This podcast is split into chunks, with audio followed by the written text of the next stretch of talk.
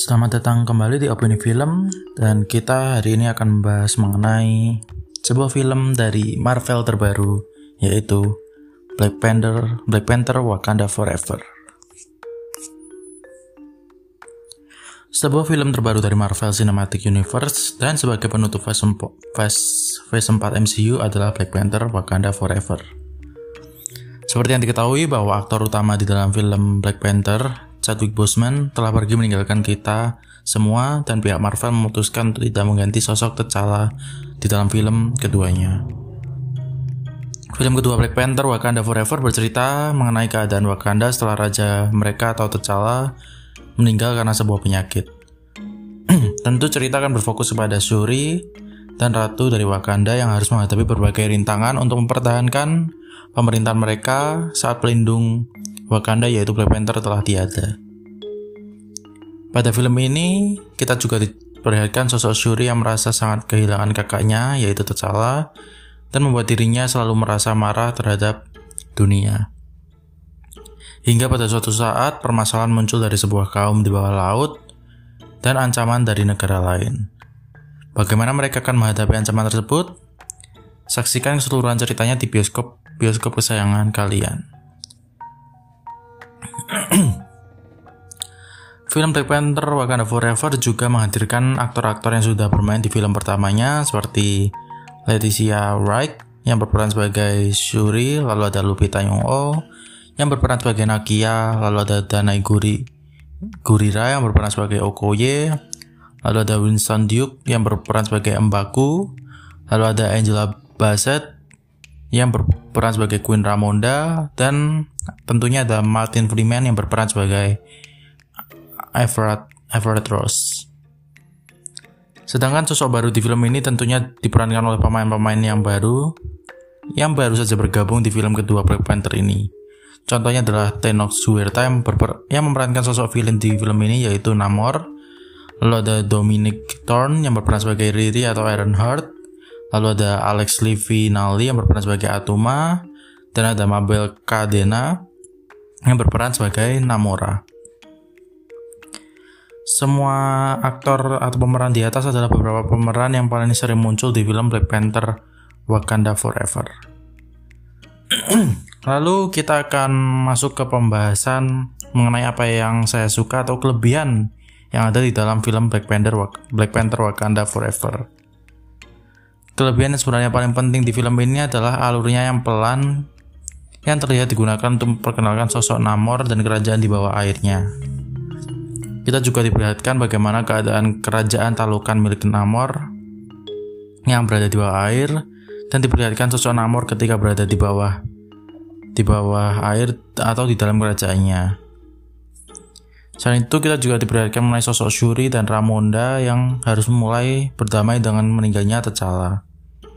Kelebihan kedua yang ada di film ini adalah sosok Namor yang bisa dikatakan cukup bagus sebagai villain.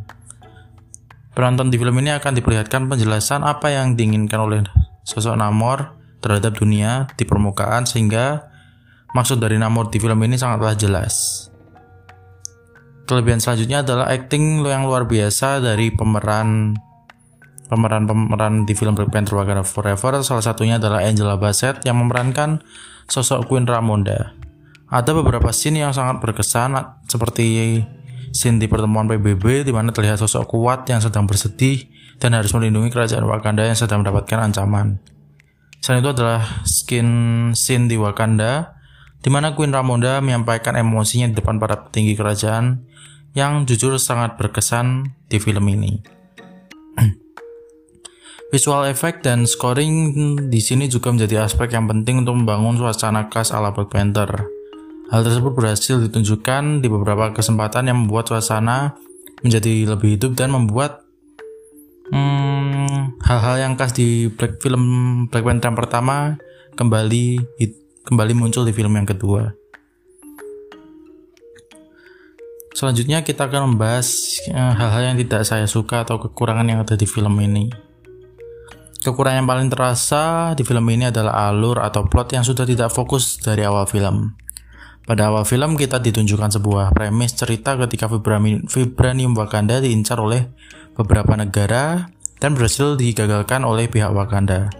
Tentunya hal tersebut sudah terlihat akan terjadi konflik antara Wakanda dengan beberapa negara yang mau mencuri vibranium milik mereka. Hal itu lebih diperkuat ketika ada sebuah negara yang masih mencari vibranium dan menemukannya di bawah laut, yang ternyata itu masih milik dari kerajaan Talukan, milik Namor yang bisa saja menimbulkan konflik yang lebih besar.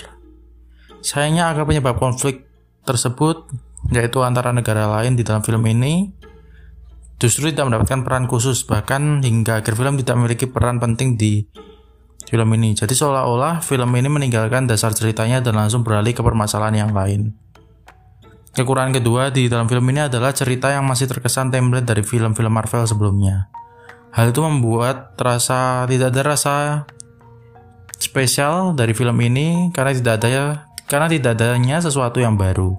Contohnya adalah sosok Namor yang motifnya mengaitkan dengan sosok Killmonger di film Black Panther yang pertama.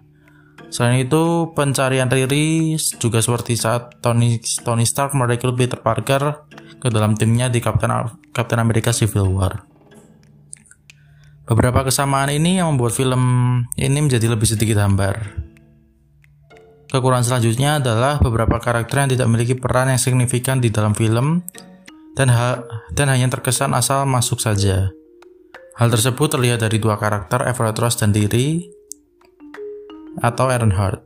Everett Ross yang bekerja di CIA benar-benar tidak memiliki peran penting selain hanya menemukan alat dari Shuri yang sedang di ditangkap dan dan pada akhirnya juga Everett Ross ditangkap. Sedangkan karakter Riri benar-benar hanya untuk memperlihatkan kostum Ironheart yang sebenarnya tidak terlalu spesial juga di film ini. Kedua karakter tersebut dari awal hingga akhir film terkesan tidak memiliki perkembangan sama sekali. Kekurangan ter Lalu kita langsung ma masuk ke, ke kekurangan terakhir yang ada di film ini adalah penyelesaian yang sama sekali tidak memuaskan dan tidak menimbulkan kesan sama sekali. Peringatan untuk spoiler akhir cerita, jika kalian ingin melihatnya terlebih dahulu, silahkan matikan dan kembali lagi setelah menonton.